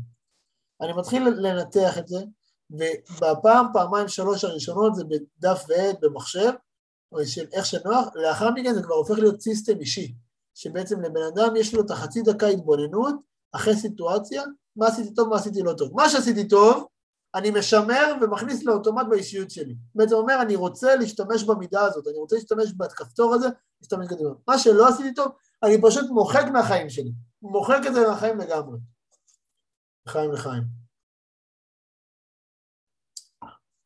ברגע שאני עובד ככה עם בקרה, אני יכול גם להשתפר. ודבר נוסף, אחרון, התוצאה לא מעידה עלינו כלום כבני אדם. אנחנו צריכים לדייק את האישיות שלנו, אנחנו צריכים לדייק את הפתרון שלנו, וככל שאנחנו נדייק את הפתרון האישי שלנו, את האישיות שלנו, התוצאות שלנו יעלו. אבל התוצאה כעת שהייתה לי, היא לא מגדירה כמה אני טוב, כמה אני פחות טוב, ולכן צריך לקחת, גם אם התוצאה חיובית, גם אם שלילית, זה לא אני. יש פה נקודה שאני מאוד אוהב. שלב חמש אומר אין ואקום, חייב לייצר התקדמות בשטח. בן אדם שעכשיו שומע הרצאה ולא עושה עם זה משהו, לא מצטרף לנבחרת, לא מצטרף לעבודה, לא לוקח לעצמו קבלות אישיות, לא נכנס לאיזה גן, אז זה נכנס, הוא מקבל עוצמה, השראה, בעזרת השם גם נהנה ועשה לו טוב, יום, יומיים, שלוש, וזה דועך, חוזרים לשגרה. חייבים להתאמן, לייצר חור מספיק עמוק, שנוכל לבנות עליו בעצם את היסודות הטובים של שיפור הנפש ופיתוח האישיות ופיתוח העסק שלנו. ולכן הכלל הזה אומר אין, אין ואקום. רבי, רבי אהרון מקרלין אומר שאין ואקום בנפש, אני אקרא לכם כרגע את השקופית. אי אפשר להיפטר מעצבות מבלי לעורר תחתיה חלופה רגשית. ולכן, הציע להקפיד על שמחה. שמחה מעידה יותר, מעידה יותר מכל שהאדם רואה את עצמו בעיניים הנכונות ועובר תהליך של התבוננות ולב נשבר. תהליך שבו הוא מבין שהוא לא מושלם, מכיר בנפלותיו ושמח על ההזדמנות שניתנו לו. מתוך האש ליוחוד של הרב גרוסמן על פי, על פי דוקטור יחיאל הררי. מה זה בעצם אומר הפסקה האדירה הזאת? לב נשבר זה יכול להיות מצד של קדושה, מצד של טוב, ויכול להיות חלילה מצד הפוך. מה זה מצד, מצד ההפוך? בוא נגיד מה זה מצד הטוב. זה בעצם אומר, תשמע, לא הצלחתי, בסדר, אני, אני מבואס, לא נעים לי, ההרגשות שלי הן לא חיוביות, אבל אני לוקח את זה לצורך הבנייה. הפחד שלי הופך לדחף, הפשע שהיה לי יהפוך לשפע, ההמתנה שנמצאת לי תהפוך למתנה. בעצם הנקודה שאני נמצא בה עכשיו, הפתילה הזאת תהפוך לתפילה, הכוח שלי יהפוך לעוצמה, אני, אומר שבור, אבל אני ארכז את זה לטוב. יש בי עצבות? כן. יש בי דיכאונות, עצבויות, חלושת הדעת, לא בא לי לפעמים? כן. אבל אני לא אכנע לזה ואני לא אלחם בזה, אני אכניס בזה את השמחה בכל פעם באופן עקבי. וברגע שאנחנו יודעים, רק על ידי השמחה יוצאים מה שמושך אותך לרע. ברגע שבן אדם רוצה להתעלות בחיים שלו באופן תדיר, הוא חייב לפתח את שריר השמחה. שמחה זה לא שאני שותה בירות, ולא שאני בפאב ולא בחתונה. שמחה זה משאב שיש לנו אותו, לכל אחד, אחד מאיתנו, ואנחנו צריכים לדעת להחיות אותו כדי להיות ב mindset שאנחנו רוצים להיות בו, להיות בתדירות, בהירות מחשבה שאנחנו רוצים להיות בה, ולהיות מתוך יכולת של קבלת החלטות בגדלות דמוחין, מה שנקרא בהבנה שיש לנו, שאנחנו טובים, שאנחנו מוצלחים, שאפשר להשפיע מבלי להתנשא על האחר, אלא מתוך המתנות שאנחנו קיבלנו, לקחת את זה בעצם להטיב עם זה, זאת השמחה. שלב שש, שלב שש בעצם אומר, אני רגע חוזר לסיפור שהתחלנו איתו של הבן המלח ובן השפחה, לכולנו יש את האנשים האלה, ודיברנו בשלבים איך להבין מי שולט ואיך למנף אותו, איך, איך לטפל בו ואיך להזיז אותו. עכשיו אנחנו צריכים לדעת על ידי התגובות בחיים שלנו, על ידי ההתנהגות בחיים שלנו, מי כרגע עליי, מי כרגע חזק עליי יותר. והמטרה שלי היא לעבור מבין השפחה לבין המלך, בכמה שיותר דקות ושעות ביממה. אז בין השפחה, אותו יצר רע, הוא בעצם עייפות, שבן אדם מרגיש עייף בחיים שלו. בוא נגיד ארבע בצהריים, הוא אומר, אה, אני חייב לשעות צהריים ואין לי כוח לכלום. צריך לבדוק מאיפה זה מגיע העייפות הזאת, זה מגיע כי היית בנמרצות ובהשפעה ובנתינה כל היום ובאמת נגמר הכוח, או מגיע כי אין לך כרגע סיפוק, משמעות, אין לך כרגע משהו שמעניין אותך, אז אתה רק מחכה לקפה ועוגה של חמש, אין לך כרגע איזה פשן, איזה לימוד, בלבול, אני לא יודע מה לעשות, אני עובר בין הרבה דברים, המון המון התלבדויות, המון המון התלבדויות בטוחות, זה, זה חלק הרע, עצבות, עייפות, אחיינות, עצלות, הרצון לקבל, תן לי, תן לי, תן לי, למה אני לא קיבלתי? אני רוצה שזה לי יהיה. בעצם כל הזמן אני למשוך לעצמנו. דאגות, מה יהיה אם? רגע, אני אקבל את המשכורת בעשירי או בחמש עשרה אחרי ההודעה הזאת שהוא שלח? מה יהיה? זה יסתדר לי? זה לא יסתדר לי? דדדם דדדם. מייצר כל הזמן את החוסר שמלווה בעצבנות, בלחץ וכמובן במחשבות צביות. ברגע שיש לנו את אחד מאלה, אנחנו יודעים כרגע העץ הרע הכניס לנו את האגרוף שלו, בין השפחה השתלט עלינו. כרגע אנחנו לא נמצאים בנקודה שאנחנו יכולים להשפיע בשמחה, אנחנו יכולים לגדול, אנחנו כרגע לא נמצאים בנקודה שאנחנו נצליח לעשות משימות בצורה פרואקטיבית, בצורה, אנחנו לא נמצאים בנקודה שאנחנו נוכל לקחת תוכנית עבודה, לפרק אותה ולתקוף אותה, אנחנו לא נמצאים בנקודה שאנחנו נוכל לעלות על במה ולהצטלם, אנחנו לא נמצאים בנקודה של השפעה, כי אנחנו בעצם רוצים לקבל. מצד שני, אם אני הופך את זה ולומד איך לעשות את זה בצורה תדירית, בצורה של תוכנית עבודה, גם על הפיתוח האישי שלי, גם על הפיתוח העסקי. ככה שהיכולת ההסתכרות שלי גדלה עם היכולת האישית שלי, אני בעצם הופך להיות נמרץ, משמעותי. אני הופך לקבל את הרצון לעשות. אני בארבע בצהריים, חמש בצהריים אומר, יאללה, עבר חצי יום, אני חושב שיש בפני עוד חצי יום, אני מגד... פותח את המשאבים הפנימיים שלי, ואני הולך לפרק את העולם יותר ממה שפרקתי בחצי הראשון בעזרת השם, אני הולך לדחוף חזק יותר. אני רוצה להשפיע, אני רוצה לקבל על מנת לתת, לא לקבל, אני לא רוצה שהשפע יישאר אצלי. אם ניקח רגע כוס, ונמלא את הכוס במים, מה יקרה? תגיע לפיזור, תגלוש. אם ניקח משפך, מה יקרה? כמה שנמלא אותו, הוא ימשיך להעביר את המים שלו, ימשיך להעביר. וככל שבן אדם הוא יותר כוס, הוא הופך בעצם להיות כמו אגם, הוא צובר.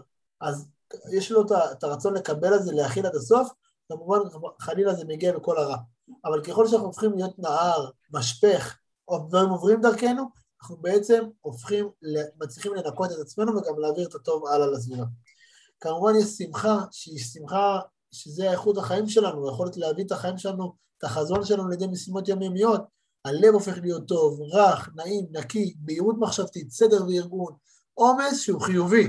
נכון, יש מלא משימות, גם אני בכמה עסקים, בכמה פעילויות, בכמה נקודות, וכאלה, יש עומס, בכולם יש עומס. אבל אני עובד על עצמי כל פעם שהעומס הזה, העומס שיהיה בעזרת השם כל פעם חיובי, שיהיה לא עומס של לחץ, של דאגות, של איזה באסה, שעומס איזה כיף, תודה לאל שזה ככה, אני שמח שזה ככה, אני נהנה מה, מהשירת חיים. כמובן זה מתבטא במחשבות חיוביות. יש פה קטע, שאת הקטע הזה אני ממליץ לכל אחד אה, אה, להבין אותו, להשקיע בו חצי דקה של התבוננות ולהבין, כי הוא יכול לשנות הרבה, הרבה מהחיים של כולנו. קוראים לקטע ארץ אוכלת יושביה. אני אקרא לכם את לשונו, זה מובא בליקוטי מאורן, חלק א', תורה קפ"ז. ולך השם החסד, כי אתה תשלם לאיש כמעשהו. היינו, שהוא החסד הגדול מאת השם יתברך, שהוא משלם לאדם מידה כנגד מידה. שעל ידי זה הוא מבין לפשפש במעשיו, זה החטא שגם עובר לשוב בתשובה. שעיקר מה שמשלם השם יתברך מידה כנגד מידה הוא בארץ ישראל. זה שכתוב על, על ארץ ישראל, ארץ אוכלת יושביה. ראשי תיבות, אתה תשלם לאיש כמעשהו. ועל כן היושבים שם בארץ ישראל, יש להם על פי רוב איסורים, מחמת שממהרים לשם לשלם איש כמעשהו. זה אומר שתדעו לכם, יש כלל בחיים. ייתנו לך כמו הלב שלך. אתה תרצה שיהיה טוב, ייתנו לך טוב. אתה תחפש את הלהטיב, יטיבו איתך. הכל מתנהל מידה כנגד מידה. עין תחת עין, שן תחת שן. ככל שאתה תבין יותר את הרצון הזה לקבל טוב בחיים שלך, שלקבל זה בעצם בכל מעגל החיים, בבריאות, בפרנסה, בקריירה, בזוגיות, ברוחניות, בהשפעה, ב- בלימודים שלי, גם של כל, כל דבר, ככל שאני ארצה לקבל טוב, לקבל בשורות טובות בכל אחד מהם, אני חייב להבין שמצופה ממני קודם כל לתת טוב. תגידו עכשיו, מה זה לתת טוב? זה יכול להיות הדבר הכי נמוך. להסתכל על כל בן אדם ולהגיד לעצמי, אני לא יוצא ממנו עד שאני לא מחייך לו פעם אחת. להגיד לכל בן אדם בוקר טוב עם חיוך, בוקר טוב. מי מקבל על עצמו לחייך לאנשים חדשים או לאנשים שהוא פוגש במהלך היום? לחייך, חיוך גדול. לא מתאים לי, כן מתאים לי, אני רואה אותו, אני מחייך. למה עצם החיוך ייתן אדם את הטובה, נתתי לו טוב. כל הכבוד, כל הכבוד, איזה קבלות. תדעו לכם, אני אומר לכם דברים שאני ניסיתי בחיים שלי לא פעם, לא פעמיים וגם לא עשר, לא מעט, כמה שנים. אני רואה שזה עובד כמו שעון, זה עובד מדויק. וזה באמת לא קשור בכלל לתורה ומצוות, להלכה, ממש לא. אני בא ממקום שאני בעצמי, בכמה שנים האחרונות רק מתחזק, זה ממש לא קשור. זה קשור להנהגות, שבן אדם מסגל לעצמו חוקים בבריאה, כמו שיש פיזיקה, יש גם חוקים בבריאה, הוא לוקח את זה, הוא רואה את זה בחיים.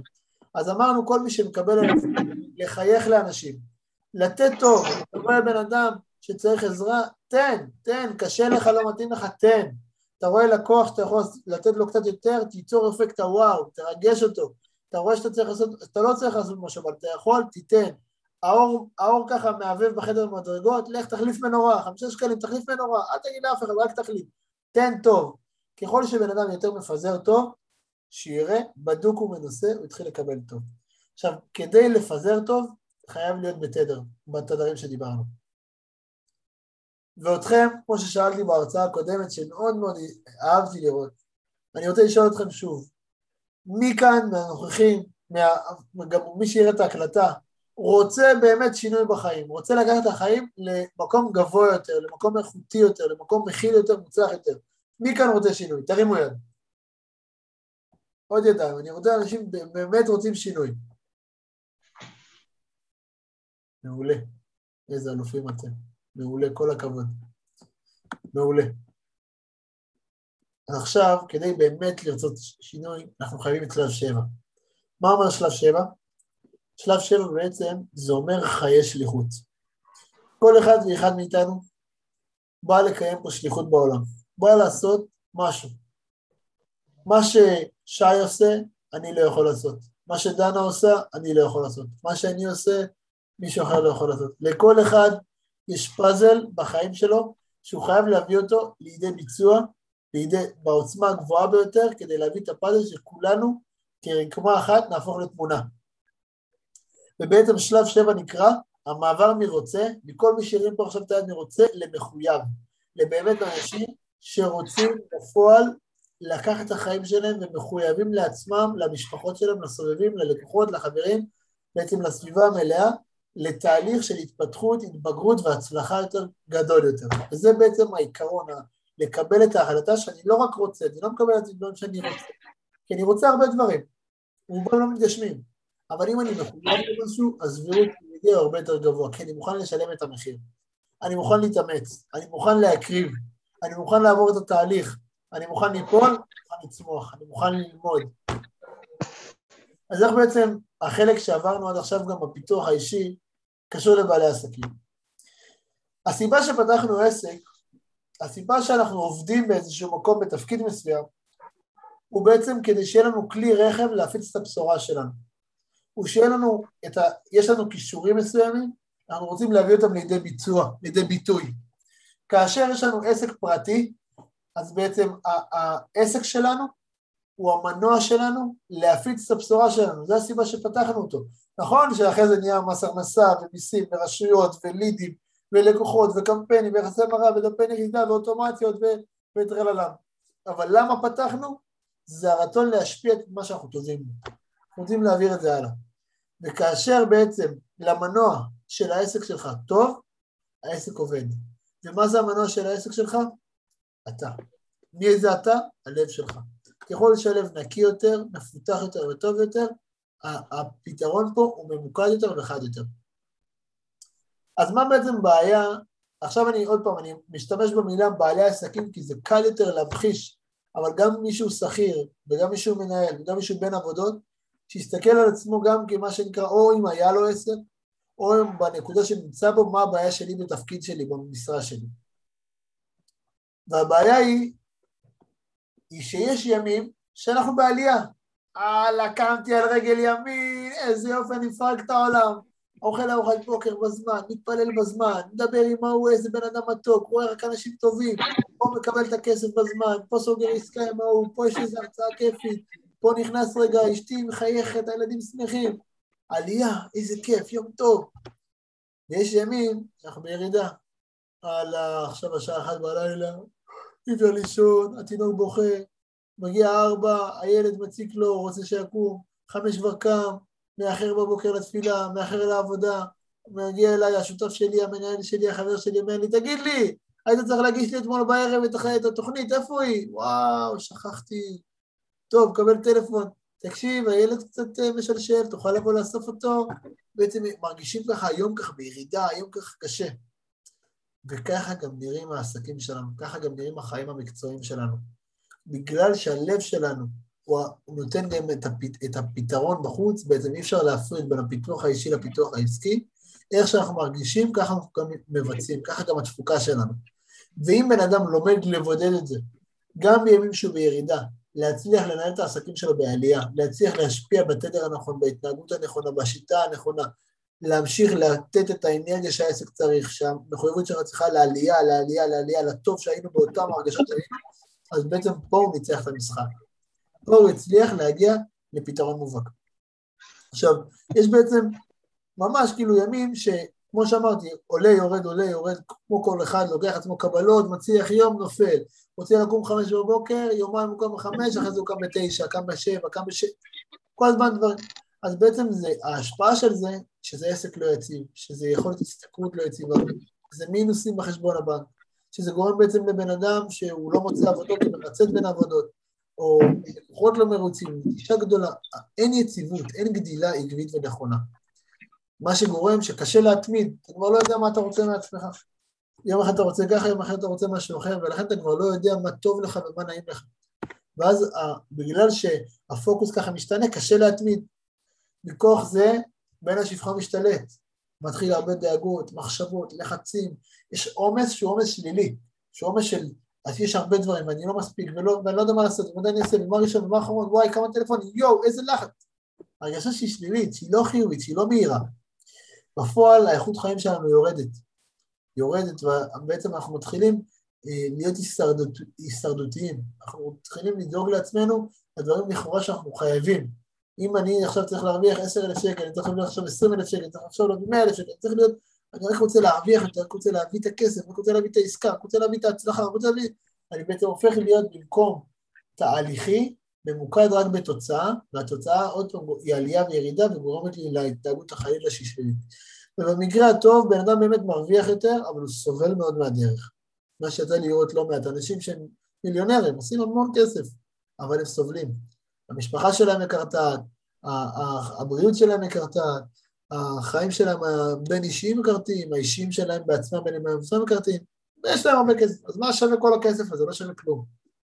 מצד שני, וחלילה במקרה הפחות טוב, לא מצליחים אפילו להמריא, אנשים מרגישים תקועים, תקועים כמה שנים, כמה חודשים באותו מקום, וזה אסור לבן אדם להיות תקוע כי הוא לא מתחדש, הוא לא נכנס לתהליך הזה, יהיה לו קשה כל פעם להמריא, ולכן הוא חייב את התהליך הזה של ההתחדשות של המודל שדיברנו.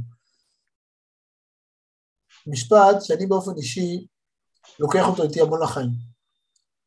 אנחנו לא מטפסים למטרות שלנו, אנחנו נופלים להרגלים שלנו. זה אומר שאם יש לי הרגלים טובים, יש לי אופי טוב, יהיו לי בעצם גם מטרות והצלחות טובות.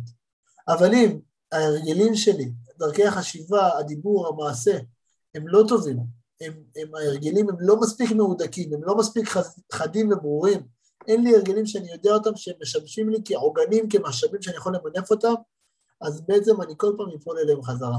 אז נכון, אני אחשוב גבוה, אחשוב איזה מטרה, אחשוב איזה מקום חלומי טוב, אבל בפועל החיים שלי יהיו פרווה. אני לא אביא את עצמי לביצוע שאני צריך להיות בו. אני לא אביא את עצמי ל vibe, לאנרגיה, ליכולות שאני יכול להיות בו. ולכן, אנחנו לא מטפסים למטרות, אנחנו נופלים להרגלים. וככל שיהיה לנו הרגלים טובים יותר, כך גם החיים שלנו טובים יותר. אז באמת, ריכזתי פה את ביצוע המודל, שזה הצתה, זה לקבל עכשיו את ההחלטה לשינוי, לגרום בעצם, להבין מה גורם לנו לעונג. ידוע שמה בעצם מניע בן אדם לפעולה? שני דברים. הפחד מסבל והרצון לעונג. שני דברים גורמים לנו להנאה. שני דברים, סליחה, גורמים לנו להנאה לפעולה, שני דברים מזיזים אותנו. זה אומר שאם אני לא יודע מה השינוי שאני רוצה, מה הכאב שיגרום אם אני לא אשתנה, ומה העונג, מה יעשה לי טוב במקרה ואני אשתנה, היכולת שלי לקחת את השינוי מהכוח לפועל הוא מאוד נמוך. מצד שני, כל עוד אני מתחייב לשינוי ומבין את המפה הזאת, מבין את המודל הזה, בעצם מכיר את הבעיה האמיתית, מזהה את הפתרון הפנימי אצלי על ידי הכלים, השיטה והמודלים שאנחנו נלמד ומלמדים, וגם יש לנו כבר בוובינר הזה, אנחנו מתחדשים, בעצם פותחים דף חדש עם כלים חדשים, מתחברים למשאבים חדשים ומצליחים לזמן את השמחה, לאסוף את הנקודות הטובות, לחיות בתודעה של הודיה, של, של משמעות, של סיפוק, של נתינה, בתודעה של תודה לאל שאני חי, תודה שיש מה שיש לי זה הכי טוב בשבילי. אני לא, אין לי רע עם אף אחד, המציאות שלי הכי טובה, אני בעצם הופך ליהנות מהדרך, כשנהנים מהדרך גם נהנים מהתוצאה, גם נהנים מההסתכלות, גם נהנים מהפיתוח. כמובן, כמו כל דבר בחיים, כדי כל דבר שלא מנוהל, הוא בעצם, כל דבר שלא מנוהל הוא לא מדיד. זה אומר, כל דבר שלא מדיד הוא לא מנוהל. זה אומר שאם אני לא מודד משהו, אני גם לא מנהל אותו. שמתי מטרה, ואני אומר, אני רוצה עוד שלושה חודשים להיות אה, עם פחות ארבעה, אה, פחות ארבע קילו. בסדר, מטרה. אם אני לא אמדוד אותה, אני גם לא יכול לנהל אותה. עוד ארבעה חודשים אני רוצה להרוויח אלפיים שקל יותר כל חודש. זו מטרה, מטרה גם טובה, היא מוגדרת בזמן, במיקום, יש לה מוטיבציה, יש לה, היא מאתגרת אותי, היא טובה, נכון, אבל היא לא, אם אני לא אמדוד אותה, אם אני לא אנהל אותה עם אבני דרך, הסיכוי שלי לפרק את המטרה, את החזון למשימות יומיומיות ולתפוס את זה קצר ולנצח, יורד ואף מתבטל. ולכן חשוב מאוד לעשות את הניתוח תוצאות על בסיס האבני דרך, על בסיס המדינות השינוי, וכמובן להיות מחויבים לשליחות, תודעת שליחות. באתי לפה להשפיע, באתי לפה לתת, באתי לפה להביא את המיוחדות שלי לעולם, והגיע הזמן שזה לפרוץ.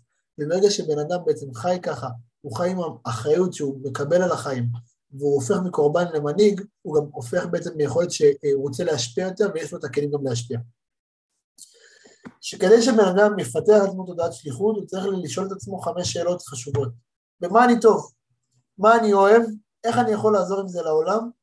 איך אני יכול להועיל? מה הכוונה, מה ההבדל בין לעזור ללהועיל? לעזור זה משהו שאני בעצם רוצה לתת מעצמי, לא בהכרח כתשלום, לא בהכרח כמערכת יחסים. להועיל זה בעצם אני נותן מתוך מערכת יחסים, אני רוצה להשפיע על אנשים מתוך מערכת יחסים ש, אני יכול לגדול איתם ולגדל איתם עם ערכים ועקרונות נכונים שיעשו להם טוב, אני מועיל לו. ובשורה התחתונה, איך אני דואג, ממש דואג, שכל מי שיהיה איתי בקשר יחווה ווין ווין. ייהנה מהקשר איתי, יחווה טוב, ירצה שאני אתקשר אליו, ירצה להיות איתי בתהליך, ירצה לגדול איתי, ירצה להגיע להרצאות, ירצה להגיע לסדנאות, ירצה לבוא לבתי מנות, ירצה להיות חלק מתוך משהו. ככל שאני ממוקד בשאלות האלה, אני בעצם מציע פתרון שהוא פי עשר מהפתרון שאני נמצא בו עכשיו. כמובן פי עשר זה מוערך, זה לא מדע מדויק, אבל העוצמה שזה מגיע היא אדירה. היא אדירה כי פתאום הבהירות הזאת שהמוח והלב באותו הקו, קל בעצם לשבור כל מנון ולהגיע לפסגות חדשות. אנחנו יודעים שיש דרך של שכנוע. למשל בדיגיטל, שבן אדם מנסה לשכנע דרך שיווק דיגיטלי, לגייס, לייצר תהליך, אז אנשים בעצם בשלב ראשון נחשפים אליו, אחרי זה הם מגיעים למקום שהוא נמצא בו, הם מייצרים איזו פעולה רצויה ראשונה, הם הופכים לקהילה, בעצם לאנשים שמאמינים בו, שעוקבים אחריו, שרואים אותו, שרוצים אותו, אותו בן אדם מחזר, מסביר, מראה, מדגים, תוכן, אירועים, דברים שעוזרים, מתנות שעוזרים וגורמים לליבוב בין הצדדים, יוצר מצב שהבן אדם שרוצה להשפיע נותן משהו עם תועלת גבוהה ובמחיר אטרקטיבי, ואז בעצם יוצרת מכירה. מה זה בעצם מכירה? זה תוצאה של מתן ערך. בן אדם נותן ערך, והמכירה ברגע שהיא טובה, אמיתית וכנה, היא הופכת למערכת יחסים. המודל הזה אומנם הוא שיווק דיגיטלי ומסתכל לבעלי עסקים, אבל הוא כ- כאמצעי, כשיטה, כמודל, משפיע בכל התקשורת הבין-אישיות. אפילו אם אני רוצה לקחת את הבן שלי ולשכנע אותו להתקלח בשעה שבע בערב ולא בשעה שמונה וחצי, אני חייב שהוא יעבור את השלבים האלה. אני חייב לדעת איפה הוא נמצא בשלב שלו מבחינת האמון שלי, כדי להעביר אותו לשלב הבא, ובאמת להגיד איתו למערכת יחסים שהוא סומך עליי, והוא רוצה להקשיב לי, לא מתוך מה שנקרא מרות, אלא מתוך, ולא מתוך סמכות, אלא מתוך אחריות, מתוך ההבנה שאני המנהיג שלו, והוא רוצה להקשיב כי אני יודע שאני רוצה בטובתו. אז חברים, אם נסכם רגע את השלב הזה, טעמנו על קצה המזלג, ממש ככה בנקודות, אה, את העולם של הקורס של בוחרים בטוב, שהיא קורס שמשלב שיטה, תודעה, כלים, אימון אישי, פיתוח עסקי, מאפשר לשכירים להשתכר יותר ולהבליט את עצמם טוב יותר במקום העבודה ואו לפתוח עסקים, מאפשר לעצמאים, בעלי עסקים, בעלי חברות, לייצר תוכנית עבודה מקצועית, אסטרטגית, טובה מאוד לביצוע והיכולות העסקיות שלהם, לשניהם לצד פיתוח אישי, תוכנית אישית טובה של איך אני בעצם הופך להיות אדם טוב יותר, שטוב לא יותר. ומה בעצם הולך להיות בקורס המלא? בקורס המלא אנחנו עובדים על איך הבן אדם יכול לשפר את דימוי העצמי שלו, איך הוא יכול להשמיד את כל האויבים הפנימיים, איך הוא יכול להכיר את המשאבים שלו, את הנשמה האדירה שלו כדי להגיע לגבהי אלעל, לרשום מטרה, להצליח להתמיד בה ולהשיג אותה. איך בן אדם יכול לפתח את האמונה העצמית שלו, את היכולת המסוגלות, את האופטימיות, את השמחת חיים, איך בן אדם בעצם יודע לאתר עם מי הוא רוצה לעבוד, עם מי הוא רוצה להתקדם, ואיך, מי האנשים שמתאימים לו ב-DNA שלו, בשליחות ובייעוד שלו. איך אני יכול בעצם להצביע, לדעת מה הצעת הערך הייחודית שלי לעולם, ואיך בעצם לקחת את זה ולמדל את זה לתהליך של הגדלת הברכה שלי, הגדלת ההכנסה שלי, הגדלת ההשפעה שלי, הגדלת המוניטין שלי, הגדלת היכולת שלי בעצם לגדול ולהשפיע, וכמובן הולך להיות את זה בעשייה יומיומית, משותפת של קבוצה, יחד איתי, בחוויה חבל על הזמן. הקורס הולך להיות בעצם 16 מפגשים, 12, 12 מתוכם כרגע הם דיגיטליים וארבעה פרונטליים. כל המפגשים מצולמים, כל המפגשים מאוחסנים עם שם משתמש וסיסמה שיכול כל בן אדם בכל רגע, בכל מקום בעולם עם אינטרנט, אם יש לו מחשב, טאבלט או טלפון, לראות את כל אחד מהסרטונים, לחזור אחורה, לחזור קדימה, לעשות את המשימות, לשאול שאלות, להצטרף לקהילה, בוואטסאפ, בפייסבוק, להיות איתי באחד על אחד, כדי שבאמת ביחד נוכל לפצח את החיים האישיים והפרטיים, את האתגרים, ובאמת תהליך של מוגדר ב-90 יום, שזה בעצם תהליך שמייצרים הרגלים חדשים, להגיע לרמה החדשה של החיים, להגיע למקום שמראש הוא מצפה להגיע, ובסוף הוא אומר, וואלה, ברוך השם הצלחנו, ברוך השם טוב לי יותר, אני משמעותי יותר, אני תורם יותר, אני מרוויח יותר, אשתי או בעלי מרוצים ממני יותר, הילדים טובים להם יותר, ובאמת היכולת ההשפעה שלי היא, היא גדולה יותר. אז כמה זה שווה? כמה זה שווה באמת להציב מטרות ולהשיג אותן? להצליח להתמיד מתוך קבוצה של אנשים עם לב טוב, ואנשים שרוצים שיהיה לכל אחד ואחד טוב. להצליח להתמיד לא לבד, עם מסגרת מקצועית, נכונה, מוכוונת, עם משימות, בצורה שמותאמת לאנשים עמוסים במיוחד. דברים קצרים, סרטונים קצרים, הודעות קצרות, טיזרים קצרים, משימות קצרות, הדברים שלוקחים קצת בערב, וובינרים שהם ככה אה, אה, נותנים אה, זריקת מוטיבציה, הרבה הרבה כלים שאני לא רוצה לגלות את כל ההפתעות עכשיו, יום אחד בבית מלון, באמת דברים שחבל על הזמן, שנותנים לך מסגרת להתמיד בכיף. ברגע שבן אדם מתמיד בכיף, הוא גם מצליח להציב ולהשיג את המטרה. כמובן לבנות תוכנית עבודה וליישם אותה, אישית ועסקית. להישאר ממוקד באנרגיה חיובית מתחדשת עם מודלים מקצועיים שפשוט עוברים פעם אחר פעם והם גורמים לבן אדם להתחדש ולהרגיש טוב יותר. אז כמה זה צריך לעלות? אם מישהו מכיר את המחירים שלנו, אם מישהו רכש מאיתנו בעבר, יודע, המחירים שלנו מפורסמים גם באתר. פגישה אחת איתי עולה 585 שקלים. אסטרטגיה ותוכנית עבודה עולה 5,000 שקלים. בניית מודל עסקי להשבחה עולה 3,000.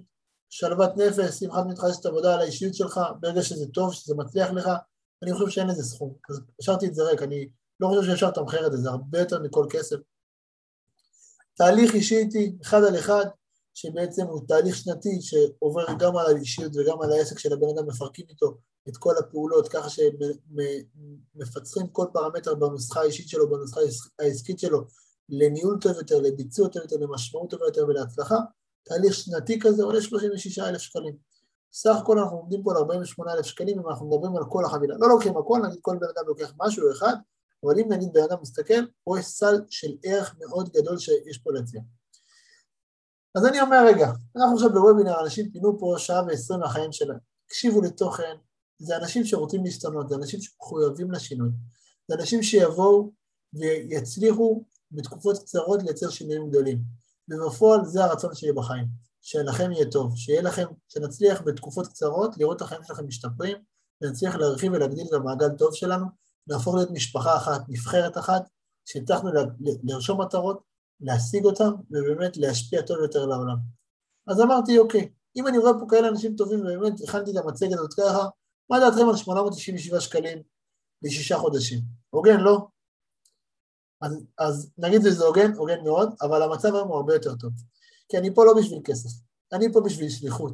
המטרה שלי היא לגדול עם כולכם ולצאת עם כולכם לתהליך משותף, שאני יודע בבירור שבעזרת השם תוך שלושה חודשים אתם תהיו בכמה וכמה רמות מעל המקום שאתם נמצאים היום, גם באישיות שלכם, גם בעסקים וגם ברווח. ואני אומר לכם את זה בדוק ומנסה, בין עם האנשים הפרטיים שעבדתי איתם עד כה, בין הארגונים שיצא לי, ובין עליי בעצמי, על כל החוויות שחוויתי ובעצם הגדלתי את זה לתהליכים. אז ההשקעה נדרשת היום, למי שרוכש היום, או עד היום יום שלישי, או עד בעצם סיום ההקלטה, שזה בעצם אה, עוד יומיים מהיום בערב, אז מקבל את זה בעצם ב-351 שקלים כפול שישה חודשים. זו לא טעות, זה לא טעות דפוס, זה לא זה, 351 שקלים בחודש כפול שישה חודשים בשביל כל הקורס, מאלף ועד תף, כולל העבודה איתי, כולל העבודה בקבוצות, כולל המשימות, כולל החניכה, כולל בניית תוכנית עבודה אישית, כולל תוכנית עבודה עסקית, כולל בעצם המימוש וההגשמה של זה בפועל, כולל 16 מפגשים, כולל אה, אה, מפגש סמינר העשרה, כולל הדרכות של מכירות, של שיווק, הדרכות בין אישיות, באמת כל כך הרבה דברים שהמטרה בקורסים האלה היא לגרום בכל מפגש לכל בן אדם להגיד וואו, שמע וואו, אני לא ציפיתי, יש פה כל כך הרבה דברים ושזה לכם שמור לעד, בכל רגע שתרצו לדגום את זה, תדגמו.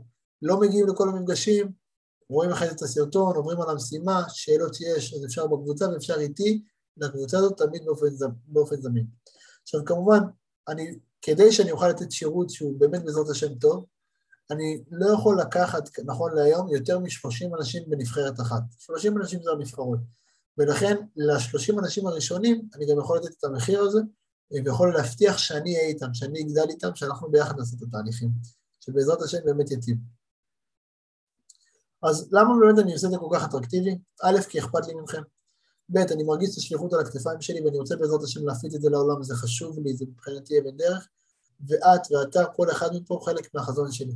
ואני כמו שאמרתי, ואני גם מסיים עם המשפט, הלמה של כולנו זה חלקי פאזל, הוא מתחבר לתמונה אחת וזה הופך להיות תמונה הכי יפה שבעולם. ואנשים שכמוך בחרו בטוב, הגיעו באמת לגבהים אדירים. אם זה אה, מנכ"ל חברת אה, אה, תפנית, ואם זה מנהל חברת נעליים, ואם זה אנשים שכירים, ואם זה נגנים בגיטרה, ואם זה אנשים שעושים משחקים ורואי חשבון, ואם זה אנשים שבעצם ניהלו פרויקטים או מנהלי שיווק, או אם זה בעצם אנשים שמתעסקים בפיתוח אישי, או אם זה בעצם אנשים שמאמנים בפועל, אנחנו רואים אנשים שבאמת הלכו והתקדמו ועשה להם חוויות אדירות. תוך תקופה מאוד קצרה, פשוט נכנס להם אוויר, נכנס להם שמחה, נכנס להם פוקוס במה לעשות, איך לעשות, הצלחנו לפרק את המשימות שלהם אחת-אחת, הצלחנו להציל סמכויות ולהגדיל את החיים שלהם ואת העסקים שלהם באופן משמעותי. אז כמובן, אני מאוד מאוד אשמח לראות את כולם, וזה לא הכל כי יש גם בונוסים, שהבונוסים הם אה, לא בגללם שווה להישאר, אבל הם תמיד מפנקים, כי הם נותנים אה, קבוצת של תכנים אישיים, כל יום סרטון אישי, והסרטון אישי הוא זריקת אנרגיה לחבר אותנו למוטיבציה. ויש לנו בעצם המון פורמטים של העתק הדבק, שנותנים לנו ניהול דשבורד, דשבורד החיים שלנו, איך בעצם לקחת את החיים שלנו בצורה נכונה ולנהל את זה טוב, גם לעסק וגם לחיים. פגישת אבחון אחד על אחד איתי, יושבים ביחד על כל החיים ועל כל העסקים לבד, וכמובן כל מי שרוכש קורס של ברוכים בטוב יקבל אלף שקלים הנחה לקורס הנוסף ב-Get.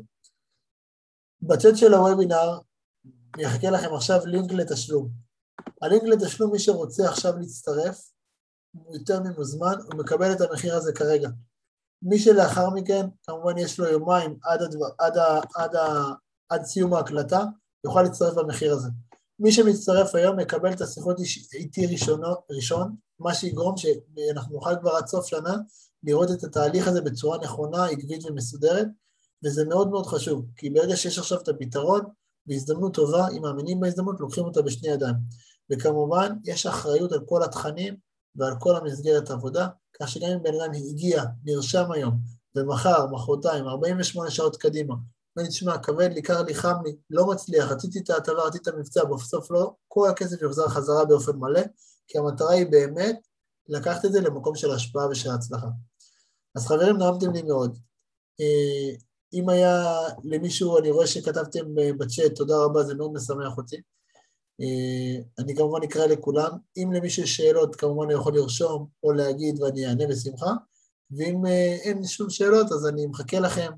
תרכשו את התוכנית, תצטרפו אלינו, כי הולך להיות באמת חזק, ואנחנו ניפגש בקהילה, בתוכנית, בנבחרת. שאלות? תודה רבה לכולם, שיהיה ערב טוב, בשורות טובות, תודה כל טוב.